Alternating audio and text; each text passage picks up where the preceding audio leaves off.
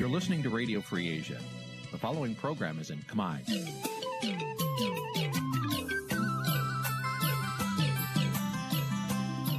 នេះជាកម្មវិធីផ្សាយ Vuthu Azizi Serai នេះជាកម្មវិធីផ្សាយរបស់ Vuthu Azizi Serai ជាភាសាខ្មែរ Vuthu Azizi Serai សូមស្វាគមន៍លោកអ្នកនាងទាំងអស់ពីរដ្ឋធានី Washington នៃសហរដ្ឋអាមេរិក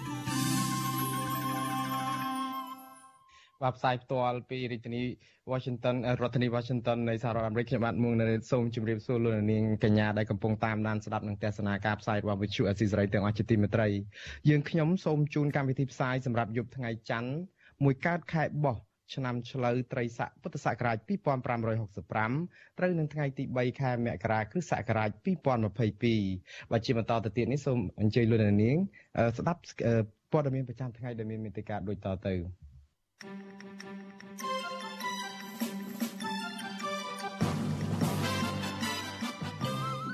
លោកហ៊ុនសែនប្រកាសជាថ្មីថានឹងទៅជួបមេរដ្ឋបហាភូមានៅចុងសប្តាហ៍នេះបើទោះបីជាមានផ្ទុះក្របបែកក្បែរស្ថានទូតខ្មែរនៅទីនោះក្តីអាញាធរក្រុងភ្នំពេញចាប់ខ្លួនកម្មករក្រុមហ៊ុន Naga World ដែលតវ៉ាដោយសន្តិវិធី14នាក់បន្ថែមទៀត។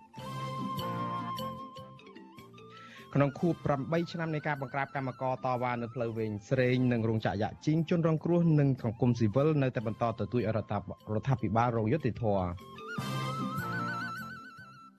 កោជបចាប់ផ្ដើមផ្សាយបញ្ជីឈ្មោះបោះឆ្នោតសម្រាប់ឆ្នាំ2021ក៏ប៉ុន្តែអ្នកខ្លាំមើលសង្គមថា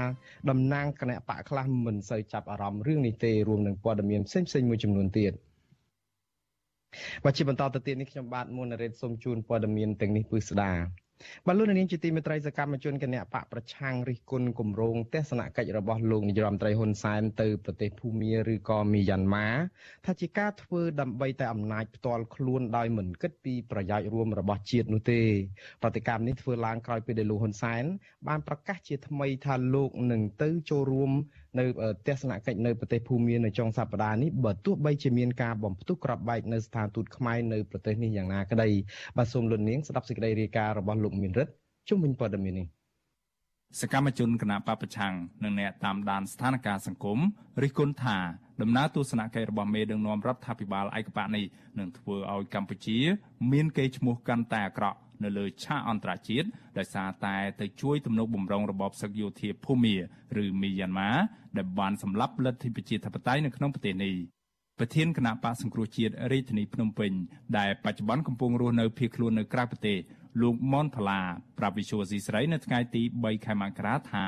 លោកសោកស្ដាយដែលលោកហ៊ុនសែននៅតែបន្តគម្រោងទៅទស្សនកិច្ចនៅប្រទេសភូមាដែលធ្វើឲ្យសមាគមអាស៊ានបែកបាក់គ្នា លោកបញ្ជាក់ថាទង្វើបែបនេះគឺជាការគ្រប់គ្រងរបបរដ្ឋប្រហារយោធាភូមាដែលកំពុងតែមានសម្ពាធពីសហគមន៍អន្តរជាតិដូច្នេះនឹងមិនបានផលប្រយោជន៍អ្វីដល់កម្ពុជានោះទេក្រៅតែអំពីការអោបកសោបតាមបំណងរបស់ចិន ដើម្បីឲ្យជួយក្រុមគ្រួសារលោកហ៊ុនសែនអាចបន្តអំណាចផ្ដាច់ការតទៅមុខទៀតនៅកម្ពុជាបាន បន្ថែមពីលើនេះលោកជឿជាក់ថាពលរដ្ឋភូមាដែលមាននានាការគ្រប់គ្រងប្រជាធិបតេយ្យក៏នឹងផ្ទុះកំហឹងមកលើកម្ពុជាកាន់តែខ្លាំងវារឹតតែទទួលនៅភាពអាម៉ាស់ហើយនឹងការប្រមាថមើលងាយពីប្រជាជនរបស់ប្រទេសភូមាដូចជាសមាជិកអាស៊ានទាំងមូលផងដែរជាពិសេសសមាជិកអាស៊ានដែលគេប្រកាន់នៅនិន្នាការប្រជាធិបតេយ្យហើយប្រទេសគេគឺមានការគោរពសិទ្ធិមនុស្សហើយដូច្នេះហើយมันឆ្លោះបញ្ចាំងអំពី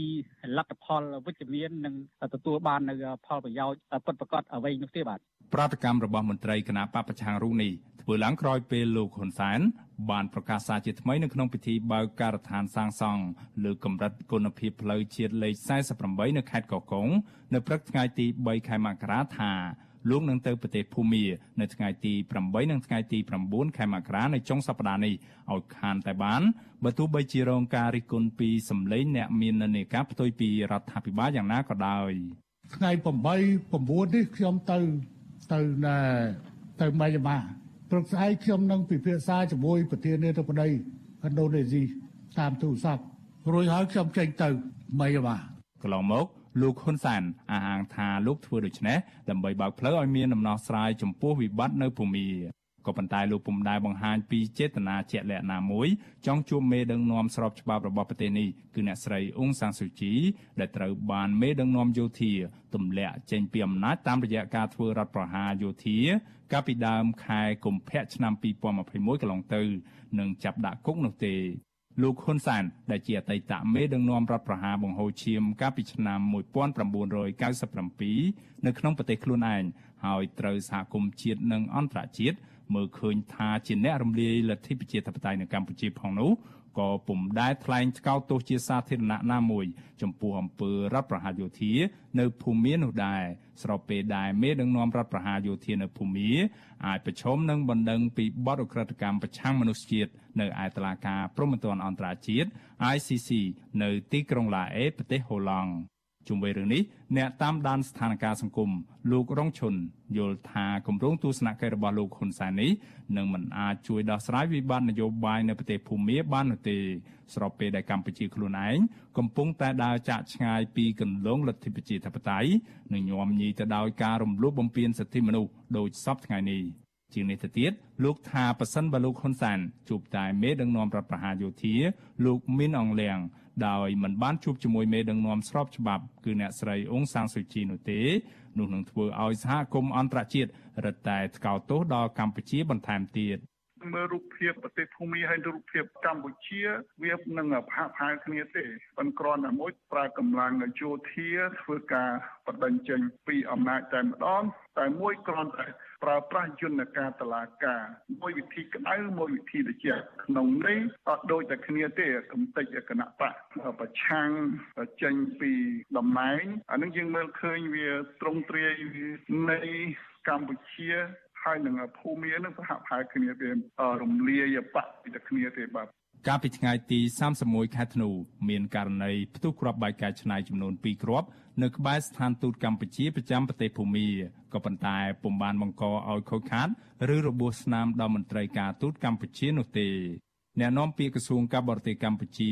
លោកកុយគួងអះអាង ប្រវិសុវស៊ីស្រីតាមបណ្ដាញសង្គម Telegram នៅថ្ងៃទី3ខែមករាថា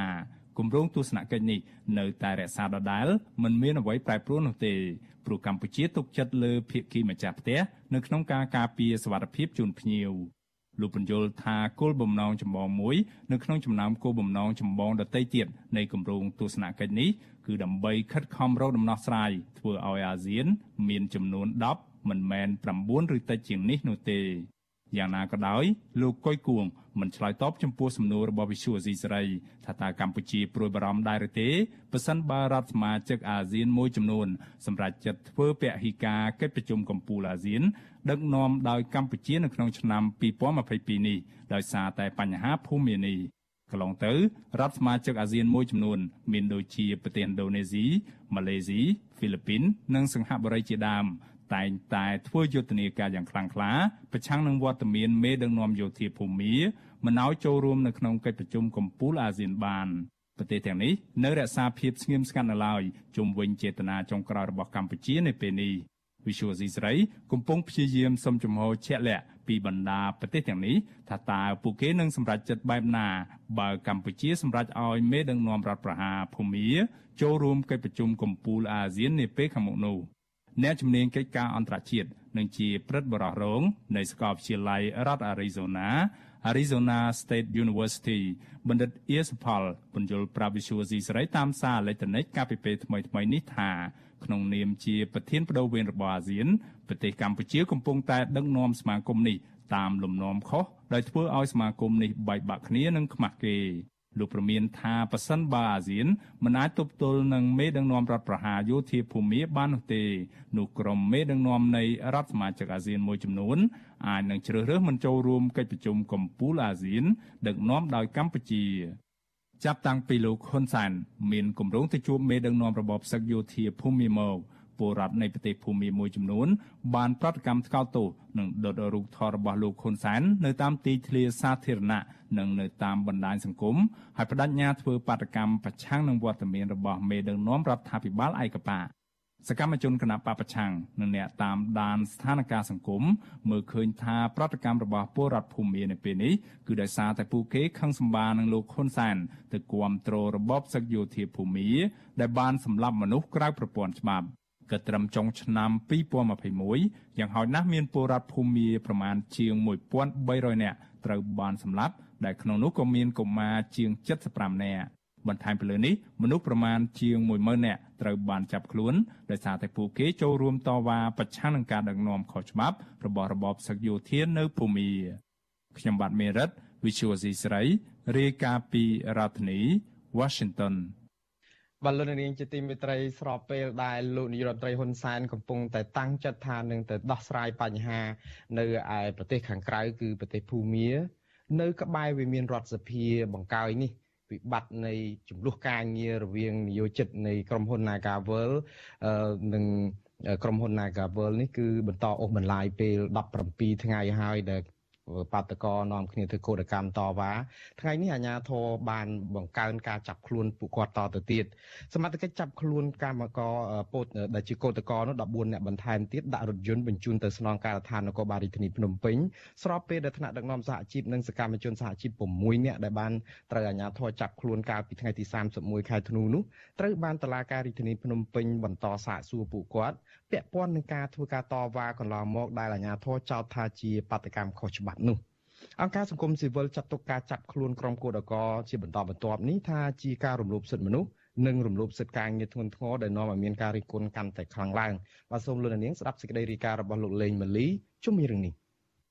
ការចាប់ខ្លួនកម្មករ Nagaworld 14នាក់បន្ថែមទៀតពីសំណាក់សមាជិកនៅថ្ងៃទី3មករាកើតឡើងនៅពេលដែលពួកគេនាំគ្នាដើរតាមបណ្ដោយផ្លូវខាងមុខអគារទី2ក្រុមហ៊ុន ទល់មុខមន្ទីររដ្ឋសភាដើម្បីទៅចូលរួមជាមួយក្រុមកោតក្រប្រមាណ1000នាក់ដែលប្រមូលផ្ដុំគ្នាតវ៉ានៅខាងមុខស្ថានទូតអូស្ត្រាលីក្រុមកម្មករផ្នែកកាស៊ីណូដែលត្រូវបានសមត្ថកិច្ចចាប់ខ្លួននោះមានស្ត្រី12នាក់ស្ត្រីមានផ្ទៃពោះម្នាក់និងបុរសម្នាក់បុគ្គលិកផ្នែកភោជនីយដ្ឋាននៅក្រុមហ៊ុន Naga World កញ្ញានប់ទឹកបូរាវីឲ្យដឹងថាអាញាធរបានដាក់ពង្រាយកម្លាំងប្រដាប់ដោយខែលនិងដំបងរាប់រយនាក់ អមដោយឡានបាញ់ទឹកជាច្រើនគ្រឿងនៅខាងមុខរដ្ឋសភាដើម្បីរារាំងក្រុមកោតក្រមិនឲ្យទៅចូលរួមនៅខាងមុខអគារទី1និងទី2របស់ក្រុមហ៊ុនបានដូចមុនទៀតទេ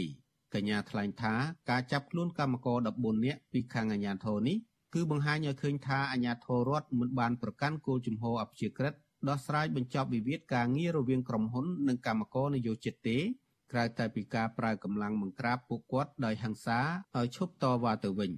កញ្ញាបញ្ជាក់ថាក្រុមកោតក្រនៅបន្តធ្វើកោតកម្មដោយសន្តិវិធីនេះរហូតដល់អាជ្ញាធរដោះលែងថ្នាក់ដឹកនាំសហជីពនិងកម្មករទាំងអស់ឲ្យមានសេរីភាពវិញហើយក្រុមហ៊ុនត្រូវទទួលយកបុគ្គលិកជាង300នាក់ចូលធ្វើការវិញដើម្បីបញ្ចប់វិវាទការងារមួយនេះ។និយាយទៅគឺវាអយុត្តិធម៌ខ្លាំងហ្មងពីព្រោះវិវាទនេះវិវាទរបស់អឺ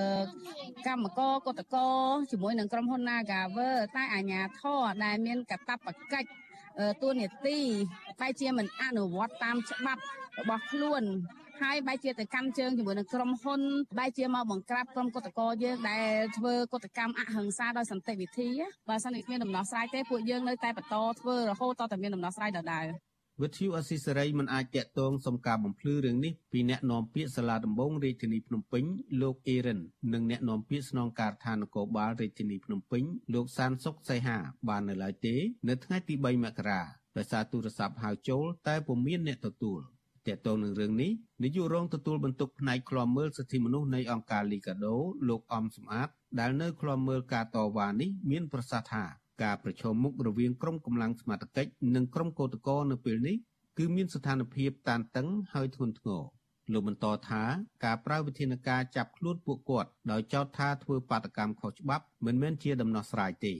លោកយល់ថារដ្ឋាភិបាលគួរដោះស្រាយបញ្ហានេះដោយសន្តិវិធីនិងតាមច្បាប់ល្អប្រសើរជាងវិធានការចាប់ខ្លួននេះព្រោះថារឿងរ៉ាវដែលកើតឡើងចំពោះថ្នាក់ដឹកនាំសហជីពនិងកម្មករ Nagavel គឺផ្ដើមចេញពីវិវាទការងារជាមួយក្រុមហ៊ុនដែលគ្មានដំណោះស្រាយ អញ្ចឹងអ្វីដែលសំខាន់ខ្ញុំគិតថាទាំងក្រុមហ៊ុន Nagavel ទាំងបុគ្គលិក Nagavel ក៏ដូចជាអាជ្ញាធរឬក្រសួងដែលពាក់ព័ន្ធហ្នឹងវិលទៅរកការចរចាដំណោះស្រាយតាមច្បាប់ការងារច្បាប់ជាតិនិងច្បាប់អន្តរជាតិដើម្បីបញ្ចប់វិវាទការងាររវាងក្រុមហ៊ុន Nagavel និងបុគ្គលិក Nagavel នឹងដោយសន្តិវិធីអានឹងវាជាជំរើសល្អបំផុតដែលមិនធ្វើឲ្យប៉ះពាល់ទាំងសងខាងបាទ ទន្ទឹមគ្នានេះសមត្ថកិច្ចបញ្ជូនខ្លួនថ្នាក់ដឹកនាំសហជីពនិងសកម្មជនសហជីព6នាក់ដែលសមត្ថកិច្ចចាប់ខ្លួនតាំងពីយប់ថ្ងៃទី31ខែធ្នូទៅសាលាដំបងរាជធានីភ្នំពេញជាលើកទី2ដើម្បីឲ្យតុលាការសាកសួរតាមនីតិវិធីតាក់ទងនឹងការធ្វើកោតកម្មនៅខាងមុខក្រុមហ៊ុនបនលបៃ Nagavel ដែលអាជ្ញាធរចាត់ទុកថាជាបាតកម្មខុសច្បាប់ចំណែកមនុស្ស3នាក់ត្រូវបានអាជ្ញាធរដោះលែងឲ្យត្រឡប់ទៅផ្ទះវិញ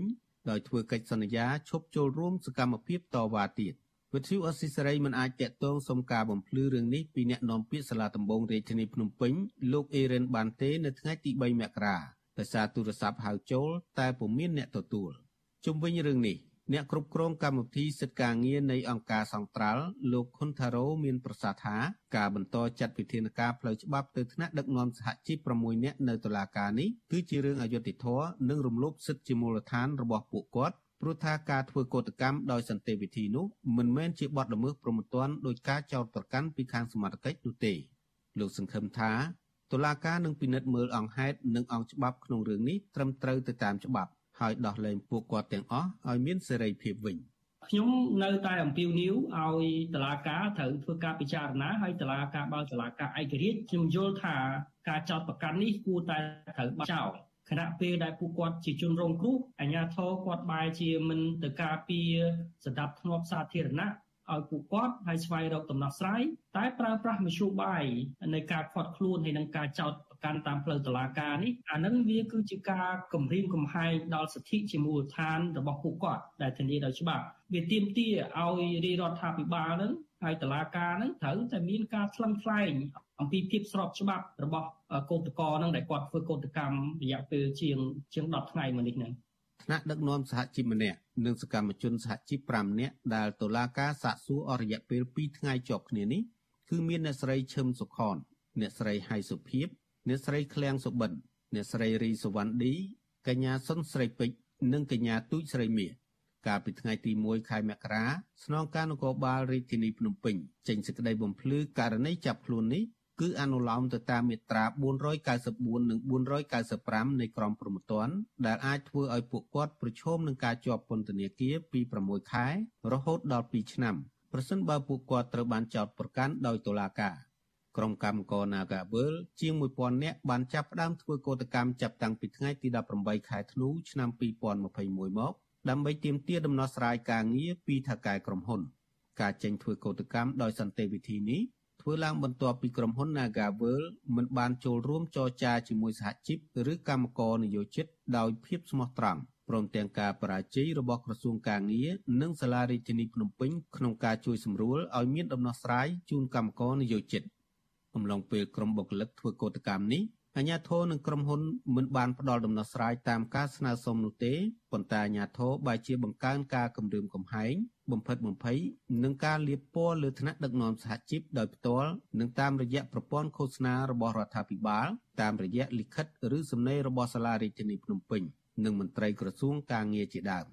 បន្ទាប់មកសមត្ថកិច្ចរាជធានីភ្នំពេញបានឡោមព័ទ្ធចាប់ខ្លួនកោតក្រចំនួន9នាក់ទៅឃុំខ្លួននៅស្នងការនគរបាលរាជធានីភ្នំពេញ កាលពីយប់ថ្ងៃទី31ខែធ្នូក្រមសហជីពនិងអង្គការសង្គមស៊ីវិលជាច្រើនស្ថាប័នបានចេញលិខិតជាបន្តបន្ទាប់ថ្កោលទោសចំណាត់ការរបស់សមាជិករាជធានីភ្នំពេញនិងអំពាវនាវឲ្យអាជ្ញាធររក្សាជំហរអព្យាក្រឹតនិងដោះលែងអ្នកទាំងអស់នោះឲ្យមានសេរីភាពវិញហើយបន្តដោះស្រាយវិវាទការងារនេះដោយសន្តិវិធីនិងតាមច្បាប់ខ្ញុំបាទលេងម៉ាលីវិទ្យុអស៊ីសេរីរាយការណ៍ពីរដ្ឋធានី Washington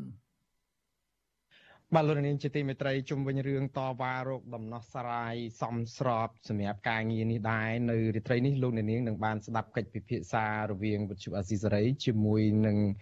តំណាងសហជីពគឺលោករងឈុនដែលយើងនឹងផ្ដោតទៅលើចំណុចសំខាន់សំខាន់ដូចតទៅនេះគឺទី1គឺកតកម្មអហិង្សានិងមធ្យោបាយតស៊ូមតិដោយសន្តិវិធីទួលនីតិរបស់អាជ្ញាធររដ្ឋនៅក្នុងវិវាទការងាររវាងនយោជិតនិងក្រុមហ៊ុននិងអ្វីទៅដែលធ្វើឲ្យវិវាទការងារដរ៉ាំរ៉ៃនេះនៅតែគ្មានដំណោះស្រាយហើយនឹងតើអ្វីដែលគួរតែជាអនុសាសន៍ពីមន្ត្រីសហជីពនោះសូមលោកនាងរងចាំស្ដាប់កិច្ចពិភាក្សានេះរវាងខ្ញុំបាទនិងលោករងឈុននៅនីតិចាប់ពីម៉ោង8កន្លះដល់ម៉ោង9យប់នេះកំបីខានបាទសូមអរគុណ បាទលោកនាងជាទីមេត្រីងាកទៅផ្លូវវែងស្រេងឯណោះវិញគឺខួប8ឆ្នាំនៃការបង្ក្រាបដ៏ហិង្សារបស់កងកម្លាំងសមត្ថកិច្ចប្រដាប់អាវុធមកក្រុមកម្មកររោងចក្រដែលតវ៉ាសុំដំឡើងប្រាក់ខែនៅផ្លូវវែងស្រេងនោះបានចូលមកដល់ហើយនៅថ្ងៃនេះជនរងគ្រោះនិងក្រុមអង្គការសង្គមស៊ីវិលបន្តទទូចឲ្យរដ្ឋាភិបាលលោកហ៊ុនសែនបើកការស៊ើបអង្កេតដោយឯករាជ្យ ដំឡាភាពជុំវិញករណីហិង្សាពីសំណាក់កងកម្លាំងសមត្ថកិច្ចនៅផ្លូវវែងស្រេងនិងក្បែររោងចក្រយ៉ាជីងកាលពី8ឆ្នាំមុនដើម្បីឈានទៅវែកមុខចាប់ជនដៃដល់និងអ្នកនៅពីខាងក្រោយខ្នងនេះយកមកផ្ដន់ទោសតាមច្បាប់និងទប់ស្កាត់វប្បធម៌នីតិរដ្ឋភាពនៅក្នុងសង្គមជាពិសេសផ្ដល់យុត្តិធម៌ដល់ជនរងគ្រោះ ការទៀមទីនេះគឺធ្វើឡើងបន្ទាប់ពីសំណុំរឿងនេះបានស្ងប់ស្ងាត់គ្មានយុត្តិធម៌អស់រយៈពេល8ឆ្នាំទៅហើយលោកនាងនឹងបានស្ដាប់សេចក្តីរាយការណ៍លម្អិតជំរឿងនេះនៅក្នុងការផ្សាយរបស់យើងនាពេលបន្តិចទៀតនេះហើយនៅក្នុងរាត្រីនេះដែរក្រោយដំណឹងនៃតកតងនឹងរឿងផ្លូវវែងស្រីនេះយើងនឹងមានកិច្ចសម្ភាសមួយជាមួយនឹងមន្ត្រីអង្គការសង្គមស៊ីវិល ផ្នែកខ្លំមើលសិទ្ធិមនុស្សគឺលោកអំសំអាតដែលលោកនឹងមកបំភ្លឺបកស្រាយបន្ថែមទៀតជុំវិញការស៊ើបអង្កេតនិងការស្វែងរកយុត្តិធម៌របស់ជនរងគ្រោះរួមទាំងករណីបាត់ខ្លួនយុវជនខឹមសុផាត8ឆ្នាំហើយគ្មានដំណឹងសូនគ្មានដំណឹងសោះនេះបាទសូមលោកនាងរងចាំស្ដាប់កិច្ចពិភាក្សានិងព័ត៌មាននេះនាពេលបន្តិចទៀតនេះបាទសូមអរគុណអាស៊ីសេរី បាទលោកនាងជាទីមេត្រីងាកមកព័ត៌មានអំពីស្ថានភាពជំងឺ Covid-19 នៅប្រទេសកម្ពុជាឯនោះវិញគឺអ្នកជំងឺ Covid-19 ម្នាក់ទៀតបានស្លាប់ហើយដោយអ្នកនោះបានមិនបាន ចាក់វ៉ាក់សាំងទេបើតាមអ្វីដែលជាការប្រកាសរបស់ក្រសួងសុខាភិបាលក្រសួងសុខាភិបាលបញ្ជាក់ទៀតថាករណីឆ្លងថ្មីវិញគឺក្រសួងនេះរកឃើញចំនួន6អ្នកបន្ថែមទៀតដែលសុទ្ធតែជាករណីនាំចូលហើយជាប្រភេទមេរោគបំផ្លែងថ្មីអូមីក្រុងទាំងអស់បាទរួមទាំងករណីថ្មី6ទៀតនេះកម្ពុជាមានអ្នកផ្ទុកមេរោគបំផ្លែងថ្មីអូមីក្រុងសរុប75អ្នកទៅហើយបាទនៅថ្ងៃដដែលនេះលោកនាយរដ្ឋមន្ត្រីហ៊ុនសែនបានចេញបញ្ជាឲ្យក្រសួងសុខាភិបាលពិនិត្យលទ្ធភាពចាក់វ៉ាក់សាំងដល់ប្រជាពលរដ្ឋជាង70000នាក់ដែលគ្រូពេទ្យធ្លាប់បដិសេធមិនឲ្យចាក់វ៉ាក់សាំងជូនពួកគាត់នាពេលកន្លងមកដោយសារតែបញ្ហាសុខភាពថ្លែងនៅក្នុងពិធីបើកគម្រោងជួសជុលផ្លូវនៅខេត្តកោះកុងនៅព្រឹកថ្ងៃទី3ខែមករាលោកនាយរដ្ឋមន្ត្រីហ៊ុនសែនអះអាងថាអ្នកមានជំងឺប្រចាំកាយខ្លះអាចចាក់វ៉ាក់សាំងបង្ការជំងឺ Covid-19 នេះបានដើម្បីចូលរួមចំណែកទប់ស្កាត់ការចម្លងជំងឺនេះ។ បាទក្រោយការប្រកាសរបស់លោកហ៊ុនសែននេះភ្លាមអ្នកនាំពាក្យក្រសួងសុខាភិបាលនិងជាប្រធានគណៈកម្មាធិការចំពោះកិច្ចសម្រាប់ការចាក់វ៉ាក់សាំងនៅក្នុងក្របខ័ណ្ឌទូទាំងប្រទេសនៅស្រីអាវ៉ាន់ឌិនក៏បានចេញសារជាវីដេអូបន្ទាន់មួយដែរដោយអំពាវនាវឲ្យប្រជាពលរដ្ឋដែលមិនទាន់បានចាក់វ៉ាក់សាំងបញ្ញាប់រស់រាន់ចាក់វ៉ាក់សាំងនៅតាមមន្ទីររដ្ឋនៅគ្រប់រដ្ឋធានីខេត្ត និងតាមមណ្ឌលសុខភាពរបស់រដ្ឋជាដើមបាទអ្នកស្រីបញ្ជាក់ថាប្រជាពលរដ្ឋដែលមានជំងឺប្រចាំកាយនិងស្ត្រីមានផ្ទៃពោះរួមទាំងស្ត្រីដែលបំបៅដោះកូនត្រូវទៅចាក់វ៉ាក់សាំងឲ្យបានគ្រប់គ្រប់គ្នាដោយក្រុមនេះរឹតតែមានតម្រូវការនៃការទទួលវ៉ាក់សាំងបង្ការជំងឺ Covid-19 ជាពិសេសការចាក់ដូសទី3ឬក៏ដូសជំរុញ មកគិតមកត្រឹមថ្ងៃទី3ខែមករាឆ្នាំ2022នេះកម្ពុជាមានអ្នកកើតជំងឺ Covid-19 សរុបប្រមាណ120,000នាក់នៅក្នុងនោះអ្នកជាសះស្បើយមានជាង110,000នាក់និងស្លាប់ចំនួន3014នាក់អាស៊ីសេរី បាទលោកនាងជាទីមេត្រីព័ត៌មានពីខាងបញ្ហាបោះឆ្នោតឯនោះវិញគឺដំណឹងអំពីបញ្ជីបោះឆ្នោតនេះគឺយើងដឹងថាគណៈកម្មការជាតិរៀបចំការបោះឆ្នោតហៅកាត់តកោជបបានចាប់ផ្ដើមបិទផ្សាយបញ្ជីឈ្មោះបោះឆ្នោតសម្រាប់ឆ្នាំ2021ដែលមានសរុបជាង9លានអ្នកបាទអ្នកខ្លាប់មើលការបោះឆ្នោតថាប្រជាពលរដ្ឋនិងតំណាងគណៈបកនយោបាយខ្លះ ហាក់ដូចជាអស់សង្ឃឹមនិងមិនសូវចាប់អារម្មណ៍ចំពោះការបិទផ្សាយបញ្ជីឈ្មោះនេះទេបាទសូមលោកនាងស្ដាប់សេចក្តីរាយការណ៍លម្អិតរបស់លោកសនច័ន្ទរដ្ឋាជុំរឿងនេះប្រជាពលរដ្ឋនៅតំណាងគណៈបកនយោបាយមួយចំនួនហាក់មិនចាប់អារម្មណ៍ចូលរួមដំណើរការចុះឈ្មោះបោះឆ្នោតរហូតដល់ការពិនិត្យមើលបញ្ជីឈ្មោះបោះឆ្នោតទេដោយសារតែពួកគេលែងទុកចិននិងផ្ដល់តម្លៃដល់ស្ថាប័នកោចបដូចមុនទៀតអនុប្រធានគណៈបកកែតម្រង់កម្ពុជាលោកអ៊ូចាន់រ៉នមើលឃើញថាការបញ្ចប់អារម្មណ៍អំពីដំណើរការចុះឈ្មោះ និងបិទបញ្ជីឈ្មោះបោះឆ្នោតរបស់កោចបនេះបណ្ដាលមកពីបរដ្ឋឡើងជឿជាក់ថាគណៈបកនយោបាយផ្សេងក្រៅពីគណៈបកសង្គ្រោះជាតិមានលទ្ធភាពប្រកបប្រជែងជាមួយគណៈបកកណ្ដាលអំណាចបានម្យ៉ាងទៀតដោយសារគណៈបកនយោបាយទាំងឡាយមិនអាចប្តឹងឈ្នះគូចបបានលោកបន្តថាការបន្តរដ្ឋបတ်សេរីភាពបញ្ចេញមតិក៏ជាហេតុធ្វើឲ្យបរដ្ឋនិងតំណាងគណៈបកនយោបាយនានារអានៅក្នុងការប្តឹងជំទាស់ផងដែរបើទោះបីជាយ៉ាងណាលោកអ៊ូចារ៉តអះអាងថាសមាជិកគណៈបកកែតម្រង់កម្ពុជា នឹងបដិញ្ញាចូលរួមតាមដានបញ្ជីឈ្មោះបោះឆ្នោតនេះ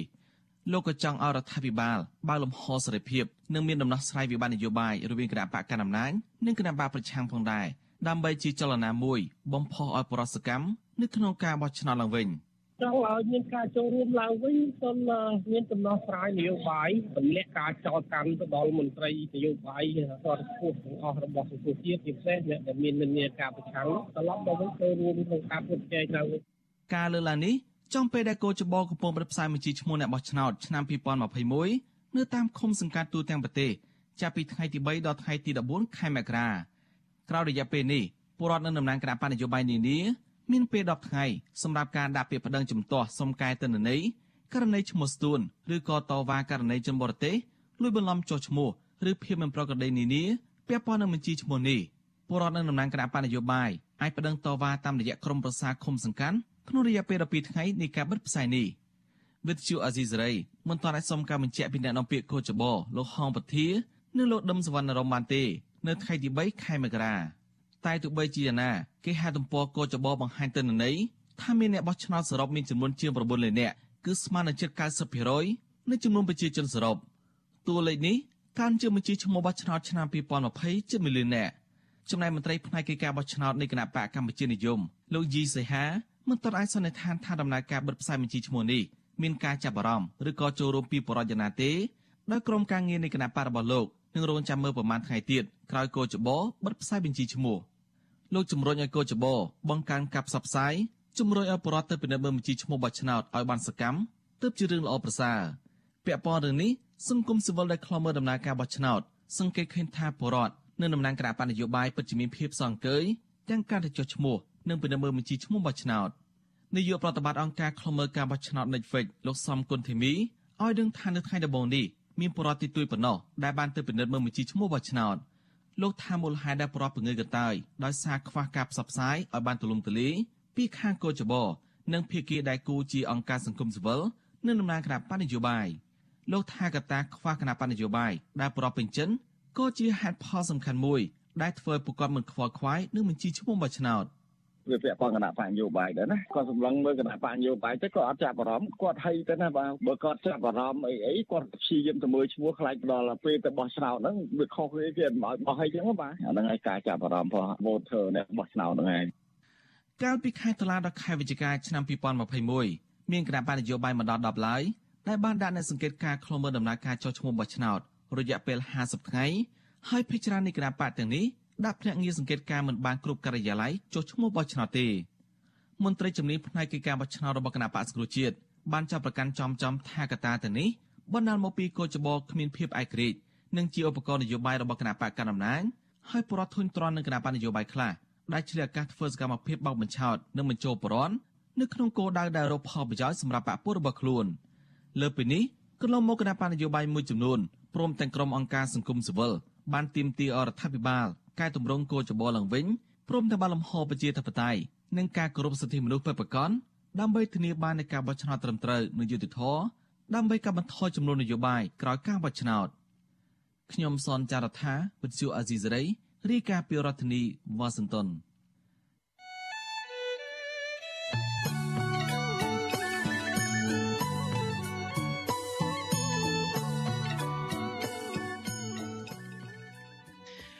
បលរនាងជាទីមេត្រីលរនាងកំពុងតែស្ដាប់ការផ្សាយរបស់វិទ្យុអាស៊ីសេរីដែលផ្សាយផ្ទាល់ចេញពីរដ្ឋធានី Washington សហរដ្ឋអាមេរិកក្នុងឱកាសនេះដែរខ្ញុំបាទក៏សូមថ្លែងអំណរគុណដល់លោកនាងកញ្ញាទាំងអស់ដែលតែងតែមានភក្ដីភាពចំពោះការផ្សាយរបស់យើងហើយចាត់ទុកការស្ដាប់វិទ្យុអាស៊ីសេរីគឺជាផ្នែកមួយនៃសកម្មភាពប្រចាំថ្ងៃរបស់លោកនាងការគ្រប់គ្រងរបស់លោកនាងនេះហើយដែលធ្វើឲ្យយើងខ្ញុំមានទឹកចិត្តកាន់តែខ្លាំងក្លាថែមទៀតនៅក្នុងការស្វែងរកព័ត៌មាននិងផ្តល់ព័ត៌មានជូនដល់លោកនាង មានអ្នកស្ដាប់អ្នកទស្សនាកាន់តែច្រើនកាន់តែធ្វើឲ្យយើងខ្ញុំមានភាពស្វាហាប់និងមោះមុតជាបន្តទៅទៀតបើយើងខ្ញុំក៏សូមអរគុណទុកជាមុនដែរហើយសូមអញ្ជើញលោកនាងកញ្ញាសូមចូលរួមជំរុញឲ្យសកម្មភាពផ្តល់ព័ត៌មានរបស់យើងនេះកាន់តែជោគជ័យបន្ថែមទៀតលោកនាងអាចជួយយើងខ្ញុំបានដោយគ្រាន់តែចុចចែករំលែកឬក៏ share ការផ្សាយរបស់យើងនៅលើបណ្ដាញសង្គម Facebook និង YouTube ទៅកាន់មិត្តភ័ក្តិដើម្បីឲ្យការផ្សាយរបស់យើងបានទៅដល់មនុស្សកាន់តែច្រើនបាទសូមអរគុណ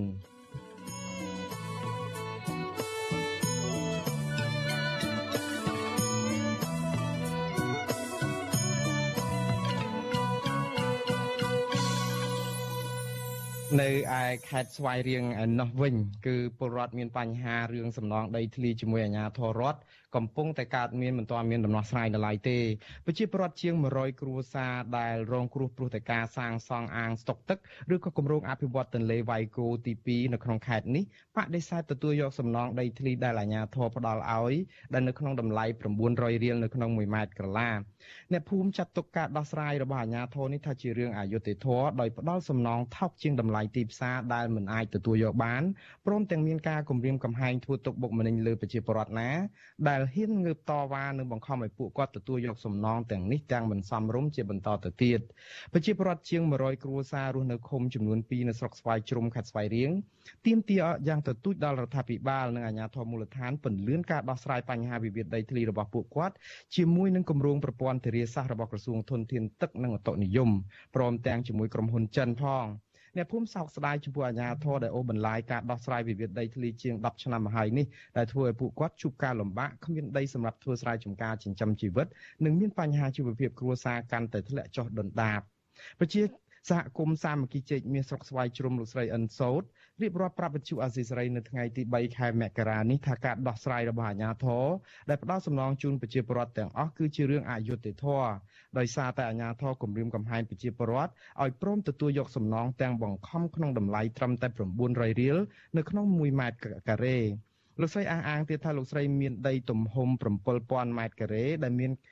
បានកម្មសិទ្ធិកាន់កាប់ដីធ្លីតាំងពីឆ្នាំ1979ព្រមទាំងមានការទទួលស្គាល់ពីអាជ្ញាធរមូលដ្ឋានក៏ប៉ុន្តែអាជ្ញាធរនិងក្រុមហ៊ុនរំលោភបំពាននិងឈូសឆាយបំផ្លាញផលដំណាំទាំងអយុត្តិធម៌លោកស្រីបញ្ជាក់ថាប្រជាពលរដ្ឋដែលរងគ្រោះទាំងអស់មិនបានព្រមព្រៀងទទួលយកសំណងតម្លៃ900រៀលនៅក្នុង1ម៉ែត្រក្រឡានោះទេ ដីរបបរដ្ឋសម្រាប់រហូតចុះទៅជួយមានប្រជាពលរដ្ឋណាមានបានណារាប់រយហៅថាដោយអុកញ៉ាមត្រូវឬការណាមួយចំនួនដែលដល់ពេលមកទៅជួយចេះតាមលោកមកយករបស់ប្រជាពលរដ្ឋអត់មានបើកភ្នែកបើកកជីអីលើយខុសត្រូវអីផងគ្មានគិតថាគាត់នេះធ្វើការបម្រើរាជអីផងគាត់គិតថាលោកមានទាន់យករបស់រាជក្រក់ជួយជាតិទៅកាន់អាក្រក់ទៅអាក្រក់ទៅទៅអ្នកគ្នារងគ្រោះចេះតែរងគ្រោះទៅអ្នកមានបានហើយនៅតែលើជួនស៊ីមិនឆ្អែតស៊ីមិនឆ្អន់ជាប្លន់យករបស់គេគិតហ្នឹងមើលទៅដូចតែអយុត្តិធម៌ណាស់សម្រាប់អ្នកក្រដូចពួកខ្ញុំបព្វជិសហគមន៍រូបនេះស្នើដល់អាជ្ញាធរនិងរដ្ឋាភិបាលរកដំណោះស្រាយឲ្យបានសមស្របដោយផ្ដល់សំណងជូនពួកគាត់ជាងតម្លៃធ្វើយ៉ាងម៉េចឲ្យបានជាង900រៀលនៅក្នុង1ម៉ែត្រការ៉េដើម្បីឲ្យពួកគាត់មានលទ្ធភាពអាចទិញដីនៅកន្លែងថ្មីសម្រាប់ប្រកបរបរធ្វើស្រែចម្ការចិញ្ចឹមគ្រួសារលោកស្រីបន្តទៀតថាក្រោយពីមានគម្រោងអភិវឌ្ឍកន្លងមកនេះ ប្រជាពលរដ្ឋដែលរងផលប៉ះពាល់ជួបបញ្ហានិងសម្ពាធទាំងផ្លូវកាយទាំងផ្លូវចិត្តគ្មានដីស្រែសម្រាប់បង្កបង្កើនផលធ្វើឲ្យពួកគាត់មានជីវភាពគ្រួសារកាន់តែដុនដាប។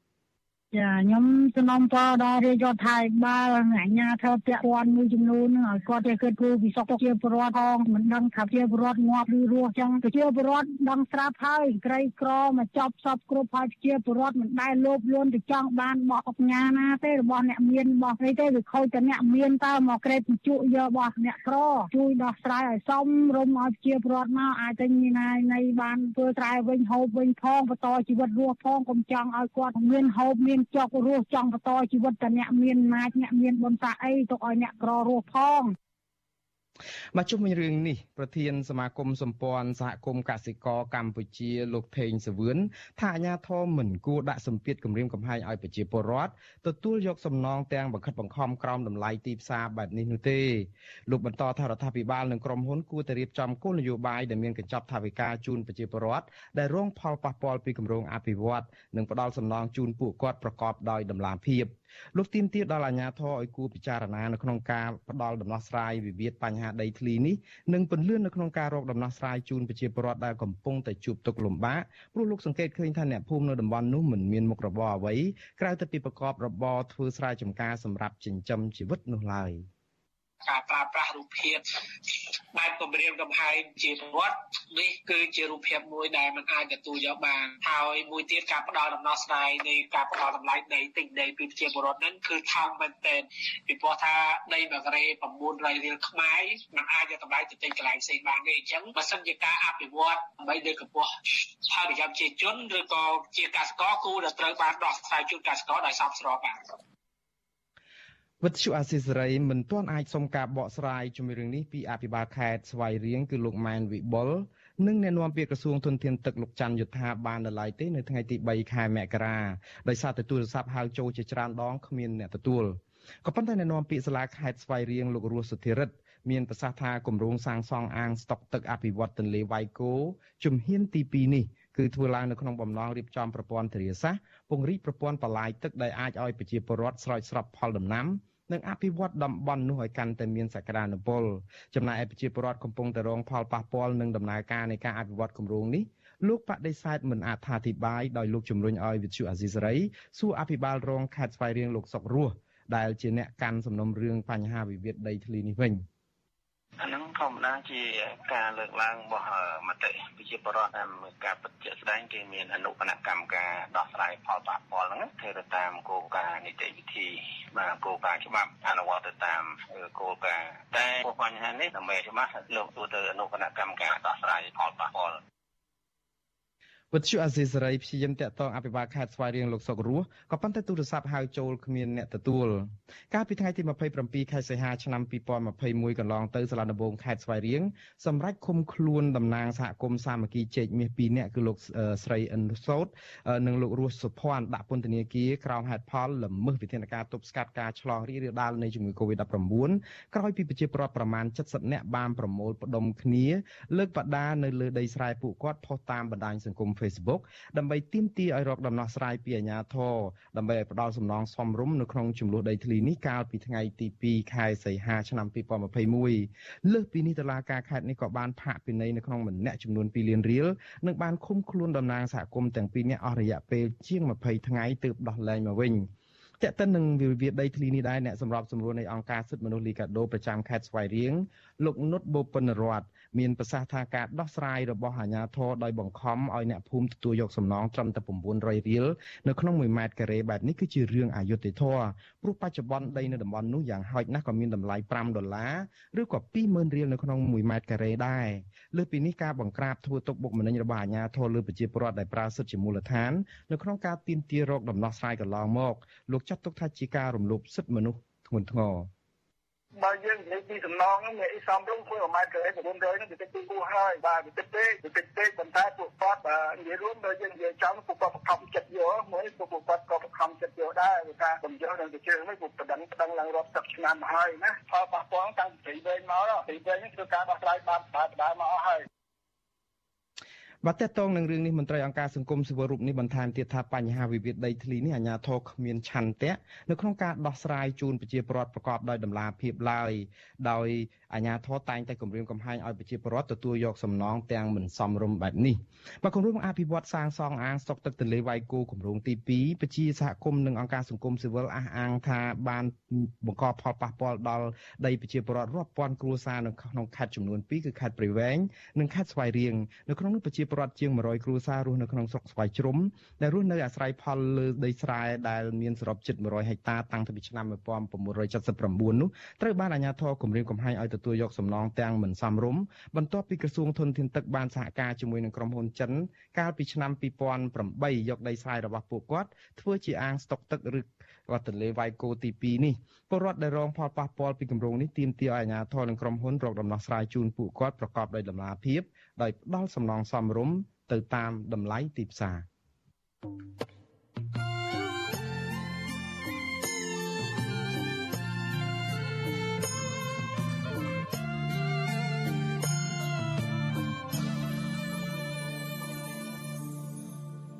បាទលោកនាងជាទីមេត្រីយើងទុករឿងទន្លេវាយគោនិងរឿងបញ្ហាដីធ្លីមួយឡែកសិនយើងងាកមករឿងតាក់តងនឹងខួប8ឆ្នាំនៅផ្លូវវែងស្រេងដែលអាជ្ញាធរបង្ក្រាបប្រជាពលរដ្ឋតវ៉ាយ៉ាងហិង្សាធ្វើឲ្យប្រជាពលរដ្ឋជាច្រើនអ្នកបាត់បង់ជីវិត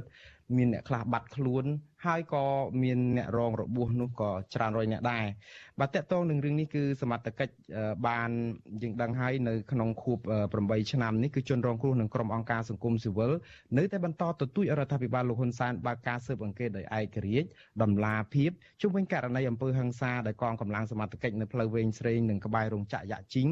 កាលពី8ឆ្នាំមុននោះដើម្បីឈានទៅរកវែកមុខ ជនដែលប្រព្រឹត្តគឺជនដៃដល់និងអ្នកដែលនៅពីក្រោយខ្នងនោះយកមកផ្ដន់ទោសតាមច្បាប់ហើយទប់ស្កាត់វប្បធម៌នីតិរដ្ឋភាពនៅក្នុងសង្គមជាពិសេសផ្ដល់ភាពយុត្តិធម៌ដល់ជនរងគ្រោះការទៀមទានេះគឺធ្វើឡើងបន្ទាប់ពីសំណុំរឿងនេះបានស្ងប់ស្ងាត់គ្មានយុត្តិធម៌អស់រយៈពេល8ឆ្នាំទៅហើយហើយលើនេះយើងមានមន្ត្រីខ្លំមើលសិទ្ធិមនុស្សដែលបានតាមដានរឿងនេះយ៉ាងស្អិតតាំងតែពីដើមរឿងមកអឺកុំឲ្យខាត់ពេលយូរខ្ញុំបាទសូមជម្រាបសួរលោកអំសំអាតពីចម្ងាយបាទ បាទសូមជម្រាបសួរលោកមុននរិនបាទបាទអរគុណណាស់លោកអំសំអាតលោកជានាយករងទទួលបន្ទុកកម្មវិធីខ្លំមើលសិទ្ធិមនុស្សនៃអង្គការលីកាដូ8ឆ្នាំកន្លងផុតទៅហើយអង្គការលីកាដូតែងតែផ្សព្វផ្សាយព័ត៌មាននិងតាមដានព័ត៌មាននេះជាប្រចាំជារៀងរាល់ឆ្នាំប៉ុន្តែពន្លឺយុតិធធ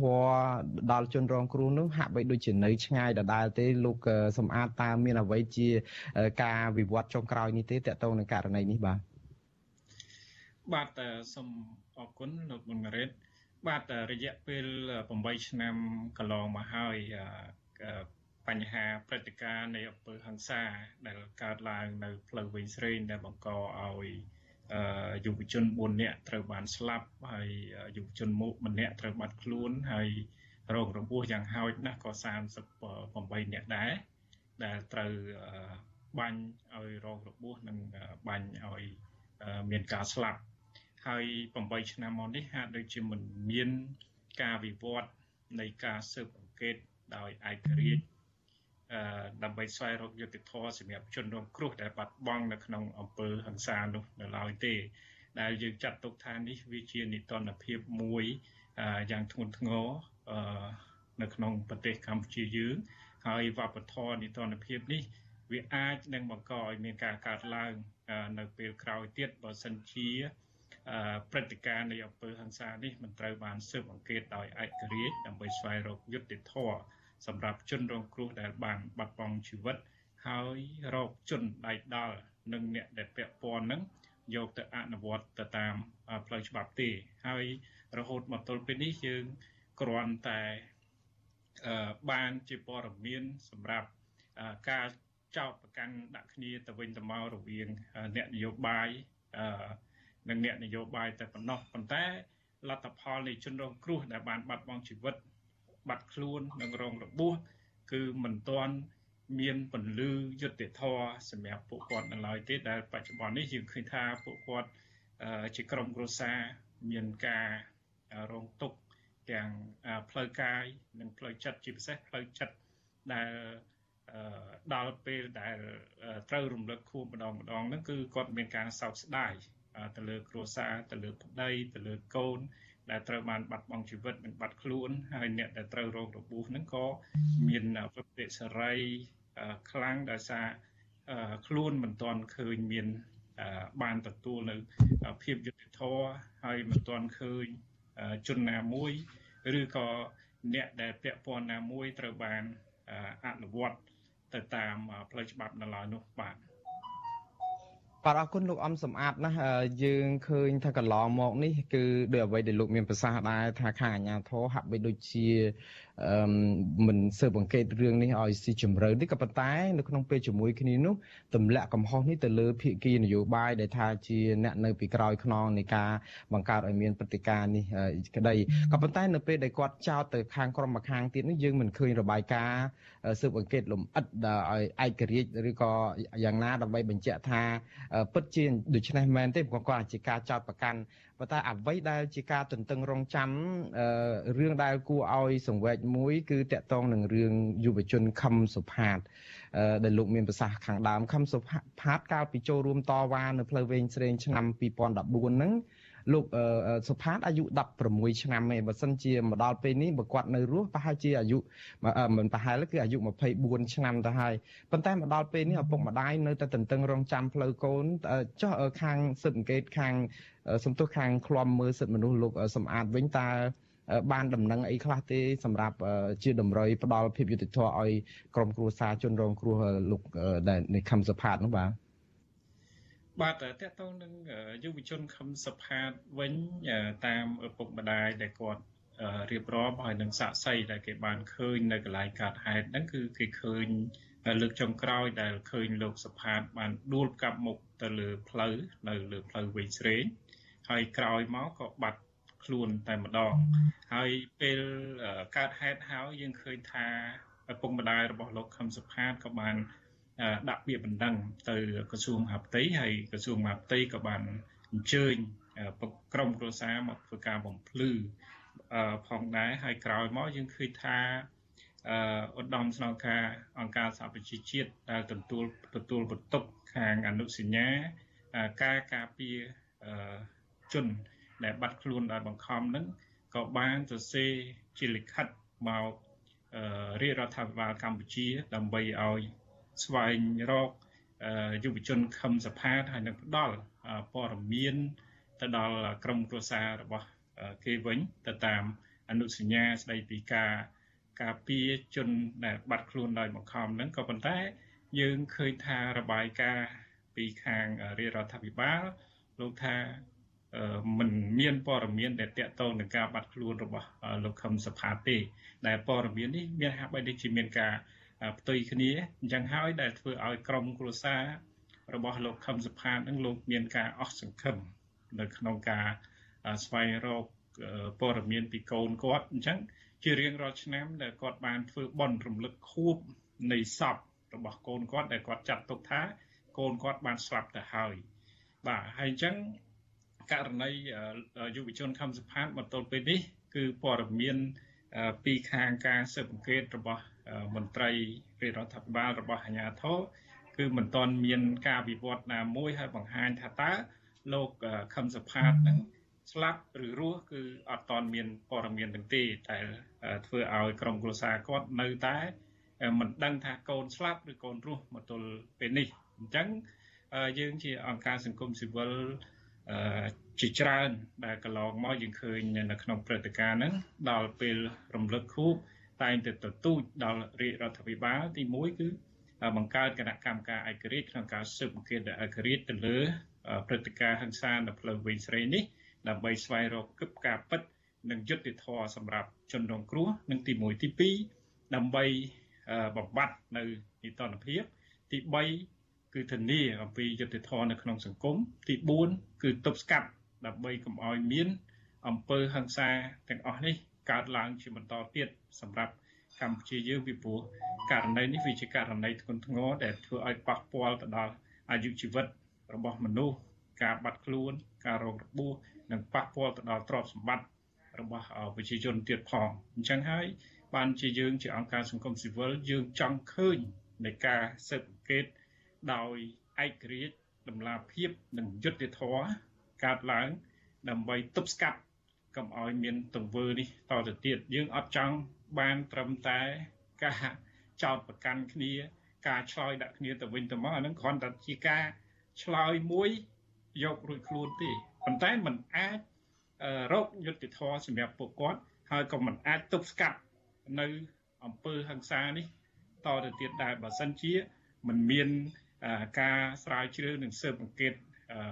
ដើម្បីស្វែងរកយុត្តិធម៌នៅក្នុងករណីនេះកើតឡើងនោះបាទ អរគុណលោកសម្អាត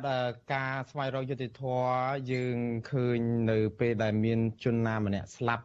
រងរបួសឬក៏បាត់ខ្លួនបែបនេះជាទូទៅគ្រួសារគាត់តែងតែទន្ទឹងរកយុត្តិធម៌ការបាត់ខ្លួនយុវជនខំសុផាតនេះគឺមិនខុសពីការបាត់ខ្លួនរបស់ប្រជាពលរដ្ឋខ្មែរដូចយើងកាលជំនាន់ខ្មែរក្រហមនឹងបាត់ខ្លួនមិនដឹងស្លាប់ឬរស់នឹងគឺត្រូវឲ្យ ឪពុកម្ដាយក្រុមគ្រួសារសាច់ញាតិនឹងរស់នៅនៅក្នុងស្ថានភាពទន្ទឹងរង់ចាំគ្មានថ្ងៃ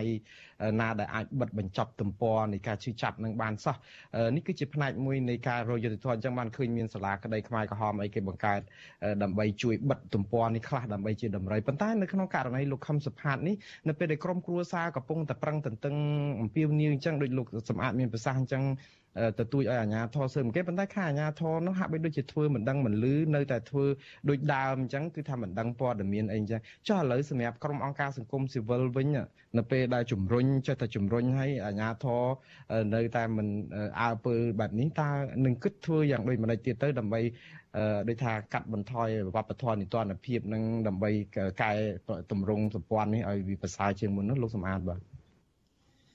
បាទសូមអរគុណ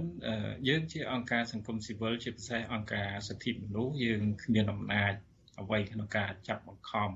ទៅលើអាជ្ញាធរឬរាជរដ្ឋាភិបាលឲ្យលោកធ្វើអីទេក៏ប៉ុន្តែអង្គការសង្គមស៊ីវិលយើងគ្រាន់តែមានការកត់សម្គាល់ទៅលើព្រឹត្តិការណ៍ទាំងអស់នេះហើយនឹងលើកចេញជារបាយការណ៍បាទដើម្បីឲ្យភាគីពាក់ព័ន្ធនឹងលោកពិចារណាហើយនឹងអឺធ្វើការបង្កើតនៅគណៈកម្មការឯករាជ្យក្នុងការស៊ើបអង្កេតហើយ យើងកម្ពុជាយើងជាប្រទេសដែលប្រកាន់លទ្ធិប្រជាធិបតេយ្យសេរីភូបៈអញ្ចឹងប្រទេសដែលប្រកាន់លទ្ធិសេរីប្រជាធិបតេយ្យសេរីភូបៈគឺជាគោលការណ៍ក្នុងការគោរពសិទ្ធិមនុស្សការពារសិទ្ធិមនុស្សហើយគោរពច្បាប់គោរពទៅតាមគោលការណ៍នីតិរដ្ឋអញ្ចឹងបើសិនជាករណីឬក៏ព្រឹត្តិការណ៍អំពើហិង្សាដែលបង្កឲ្យមានមនុស្សស្លាប់និងរងរបួសហើយបាត់ខ្លួន មិនត្រូវបានរកយុត្តិធម៌ទេនឹងបានន័យថាវាមិនទាន់ត្រូវនឹងគោលការណ៍មួយដែលថានីតិរដ្ឋឬក៏ការគោរពសិទ្ធិមនុស្សទេអញ្ចឹងយើងឃើញនៅពេលដែលរយៈពេល4ឆ្នាំម្ដងដែលកម្ពុជាយើងត្រូវការពារនៅការត្រួតពិនិត្យប្រជុំត្រួតពិនិត្យឡើងវិញនៅស្ថានភាពសិទ្ធិមនុស្សប្រចាំប្រទេសកម្ពុជាក៏ដូចជាបណ្ដាប្រទេស ដែលជាសមាជិកអង្គការសហជីវជាតិដែរគេតែងតែលើកអំពីបញ្ហាអីដែលយើងអត់ទាន់បានផ្ដល់ជាការគោរពសិទ្ធិមនុស្សអត់ទាន់បានស្ដារនៃគោលការណ៍នីតិរដ្ឋឬក៏ការគោរពសិទ្ធិមនុស្សជាពិសេសពាក់ព័ន្ធជាមួយនឹងបញ្ហានៃព្រឹត្តិការណ៍នៅផ្លូវវិញស្រេកហ្នឹងគឺវានៅតែមានការលើកឡើងថាមិនទាន់មានការស្វែងរកយុត្តិធម៌ ណាមួយសម្រាប់ជនរងគ្រោះដែលគេចាត់ទុកថាជាការរំលោភសិទ្ធិមនុស្សមួយដែរនៅក្នុងព្រឹត្តិការណ៍នៃអង្គើហ ংস ាដែលកើតចេញអំពីការផ្ទុះអាវុធដែលបណ្ដាលឲ្យមានការស្លាប់និងការរងរបួសឬការបាត់ខ្លួននឹងអញ្ចឹងបញ្ហាទាំងអស់នេះគឺគេអាចនឹងលើកឡើងជាដដែលដដែលបើសិនជាអញ្ញាធោលោកមិនធ្វើការស្រាវជ្រាវនិងស៊ើបអង្កេតដើម្បី ផ្ដល់បច្ចុប្បន្នភាពនៃការវិវត្តអំពីការស៊ើបអង្កេតទេអានឹងករណីហ្នឹងនៅតែបន្តអញ្ចឹងខ្ញុំចាំបានដូចជារឿងករណីលោកជាវិជារឿងអីក៏គេនៅតែលើកបន្តដែរពីព្រោះករណីទាំងអស់នេះក៏វាពាក់ព័ន្ធជាមួយនឹងកម្មករផងដែរ អរគុណលោកអំសំអាតណាស់ជាលកាសនេះក៏ខ្ញុំសូមជម្រាបលោកនាងដែរដែលកំពុងតាមដានស្ដាប់ការផ្សាយផ្ទាល់របស់វិទ្យុអាស៊ីសេរីដែលផ្សាយចេញពីរដ្ឋធានី Washington នេះគឺយើងកំពុងតែជជែកជាមួយនឹងលោកអំសំអាតដែលជាអនុប្រធានបើគឺជានាយករងទទួលបន្ទុកកម្មវិធីខ្លំមើលសិទ្ធិមនុស្សនៃអង្គការ Liga do ហើយបទតិកាតកតនឹងខួប8ឆ្នាំនៃផ្លូវវែងស្រេងនិងកម្មកររោងចក្រយ៉ាជីនដែលតវ៉ាសុំដំឡើងប្រាក់ខែកាលពី8ឆ្នាំមុននោះលោកនាងក៏អាចស្ដាប់ការផ្សាយរបស់យើងតាមរលកធាតុអាកាសខ្លីដែរគឺចាប់ពីពេលព្រឹកយើងមានម៉ោង5កន្លះដល់ម៉ោង6កន្លះហ្នឹងតាមរលកធាតុអាកាសខ្លី9390 kHz កម្ពស់ 32ម៉ែត្រនិង11850 kHz កម្ពស់ 25ម៉ែត្របើពេលយប់វិញយើងមានពីម៉ោង7កន្លះដល់ម៉ោង8កន្លះរលកធាតុអាកាសខ្លីដូចគ្នា9390 kHz កម្ពស់ 32ម៉ែត្រនិងមួយទៀត15155 kHz កម្ពស់ 20ម៉ែត្រលោកអំសំអាតមានប្រសាសន៍មិញថាតកតងនឹងរឿងអឺអឺ របាយការណ៍របស់អង្គការសហប្រជាជាតិតាមពិតកម្ពុជាក៏មានកាតព្វកិច្ចដែរដោយសារតែយើងចុះហត្ថលេខានៅក្នុងកិច្ចព្រមព្រៀងអនុវត្តតាមសន្ធិសញ្ញាជាច្រើនរបស់អង្គការសហប្រជាជាតិតទៅនឹងសិទ្ធិមនុស្សនិងសិទ្ធិនយោបាយហើយយើងមានកាតព្វកិច្ចនៅក្នុងការធ្វើរបាយការណ៍ ប្រចាំឆ្នាំឬក៏ប្រចាំដំណាក់រយៈពេលកំណត់ណាមួយដើម្បីរាយការណ៍អំពីបញ្ហាសិទ្ធិមនុស្សថាតើអនុវត្តបានប្រមាណមិនអនុវត្តបានប្រមាណរបាយការណ៍ពីអង្គការសហប្រជាជាតិជាពិសេសអ្នករាយការណ៍សិទ្ធិមនុស្សនោះក៏ច្រើនតែរកឃើញភាពរំលោភសិទ្ធិមនុស្សក៏ប៉ុន្តែរដ្ឋាភិបាលភាគច្រើនមិនទទួលយកទេ នៅពេលដែលមានការផ្ដល់អនុសាសន៍រដ្ឋាភិបាលប្រកែកថាមិនមានដោយរឿងផ្លូវវែងស្រេងនៅពេលដែលខាងសិទ្ធិមនុស្សថាអានឹងជាការរំលោភរដ្ឋាភិបាលថាអានឹងជារឿងក្រមណានៅពីក្រោយក្រមនយោបាយអីអញ្ចឹងទៅតើរឿងទៅមុខទៀតនឹងយ៉ាងម៉េចទៅវិញបើម្នាក់ម្នាក់នាំគ្នាដោះសារយករួចខ្លួនរៀងខ្លួនអញ្ចឹងលោកសំអាតបាទបាទសូមអរគុណបាទជាការពិតព្រោះទី1កម្ពុជាយើងយើងបានផ្ដល់សេចក្ដីបានទៅលើអនុសញ្ញានិងកតតិកាអកតិកាសញ្ញាជាច្រើនស្ដីពីសិទ្ធិមនុស្សជាពិសេសគឺ សេចក្តីថ្លែងការណ៍ជាសកលស្តីអំពីសិទ្ធិមនុស្សនិងកតតិកាសញ្ញាស្តីពីសិទ្ធិពលរដ្ឋសិទ្ធិនយោបាយអញ្ចឹងកាលណាយើងកម្ពុជាផ្ដល់សច្ចាប័នខ្លាកម្ពុជាខ្លាយជារដ្ឋភាគីអញ្ចឹងកតបកិច្ចរបស់កម្ពុជាត្រូវតែធ្វើយ៉ាងម៉េចដើម្បីលើកកម្ពស់ទៅលើសេរីភាពទៅលើសិទ្ធិមនុស្សហើយជំរុញលើកទឹកចិត្តឲ្យមានការ គោរពសិទ្ធិមនុស្សនៅក្នុងប្រទេសកម្ពុជាយើងនឹងហើយយើងឃើញហើយជារឿយរឿយដែលអង្គការសង្គមស៊ីវិលផ្នែកសិទ្ធិមនុស្សក្នុងស្រុកក៏ដូចជាអន្តរជាតិក៏ដូចជាអ្នករាយការណ៍ពិសេសរបស់ក្រមប្រឹក្សាសិទ្ធិមនុស្សតាមជំនាញជាច្រើននិងក្រមប្រឹក្សាសិទ្ធិមនុស្សអង្គការសហប្រជាជាតិនឹងឬក៏អង្គការសហប្រជាជាតិក៏តែងតែបានលើកឡើង អំពីបញ្ហាសិទ្ធិមនុស្សនៅប្រទេសកម្ពុជាជាពិសេសទាក់ទងនឹងព្រឹត្តិការណ៍ធំធំដូចជាករណីវែងស្រេងអីហ្នឹងពីព្រោះគេពឹងផ្អែកទៅលើយន្តការជាសកលស្ដីពីសិទ្ធិមនុស្សរបស់អង្គការសហប្រជាជាតិយកមកធ្វើការវាស់វែងបើសិនជាករណីហ្នឹងវាជាការរំលោភបំពានទៅលើបទដ្ឋានអន្តរជាតិទាំងអស់ហ្នឹងគឺថាវាជាការរំលោភទៅលើសិទ្ធិមនុស្សអញ្ចឹងបានគេទាមទារឲ្យមានការ ស្ដារនិងការពង្រឹងលើកតម្កើងនៅក្នុងការគោរពសិទ្ធិមនុស្សធ្វើម៉េចឲ្យមានភាពវិវត្តល្អប្រសើរអញ្ចឹងកន្លងមកយើងក៏មានការសោកស្ដាយដែរតាក់ទងនឹងបញ្ហានៃបញ្ហាសិទ្ធិមនុស្សនេះដែលមានបញ្ហាជំរងចម្រាស់ភាពបកស្រាយរវាងអាជ្ញាធរកម្ពុជាជាមួយនឹង អ្នកជំនាញសិទ្ធិមនុស្សរបស់ក្រមប្រឹក្សាសិទ្ធិមនុស្សឬក៏អង្គការសហប្រជាជាតិដែលកម្ពុជាយើងចាត់ទុកថាអនុសាសន៍មួយចំនួនរបាយការណ៍មួយចំនួនហ្នឹងវាមានចរិតផ្នែកនយោបាយប៉ុន្តែអ្វីដែលខ្ញុំពិនិត្យមើលគឺអ្នកជំនាញទាំងអស់ហ្នឹងគឺគេពឹងផ្អែកទៅលើបទដ្ឋានអន្តរជាតិដើម្បីវាស់វែងបញ្ហាសិទ្ធិមនុស្សហ្នឹងអញ្ចឹងគេមើលឃើញថាតើចំណុចណាដែលជាចំណុច រំលោភសិទ្ធិមនុស្សចំណុចណាដែលកម្ពុជាយើងមានការខ្វះខាតគេតែងតែផ្ដល់អនុសាសន៍ឲ្យដើម្បីធ្វើការកែលម្អអញ្ចឹងបើសិនជាមិនមានការកែលម្អទេដូចយើងឃើញថាវាវាច្រើនតែប៉ះពាល់ទៅដល់ផលប្រយោជន៍សម្រាប់កម្ពុជាដូចជារឿងសហគមន៍អឺរ៉ុបទាក់ទងនឹងអនុគ្រោះពន្ធ EBA ហើយកន្លងមកក៏មានមន្ត្រីជាន់ខ្ពស់មួយចំនួនក៏ត្រូវតនកម្ម របស់បណ្ដាប្រទេសដែលប្រកាន់លទ្ធិជាតតៃចាក់ទុំមួយចំនួនហើយនឹងគេបន្តនៃការរិះគន់បន្ថែមទៀតអញ្ចឹងខ្ញុំយល់ថាបើសិនជាយើងពិនិត្យថាអ្វីដែលយើងខ្វះខាតហើយយើងធ្វើការកែលម្អនឹងវាជារឿងមួយល្អហើយក៏អាចនឹងមានផលចំណេញសម្រាប់កម្ពុជាយើងក្នុងការអនុវត្ត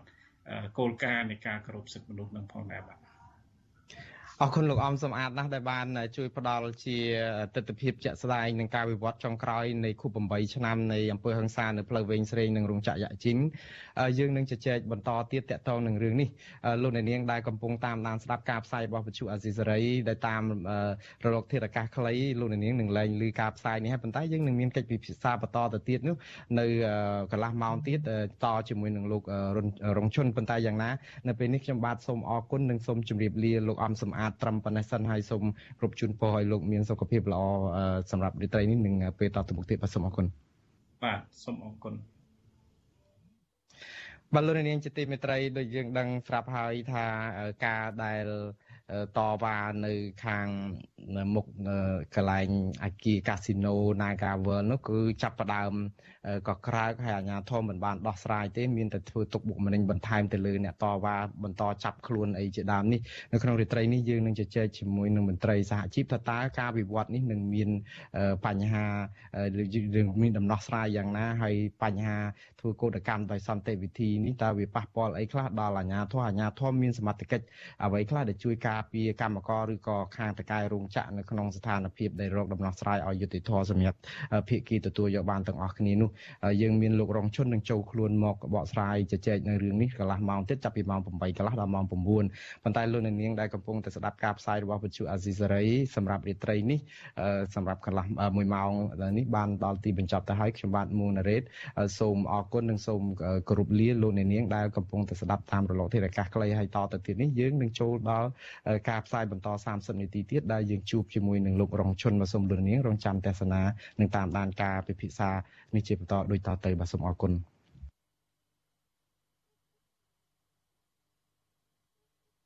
បាទលោកនាងជាទីមេត្រីតកតងនឹង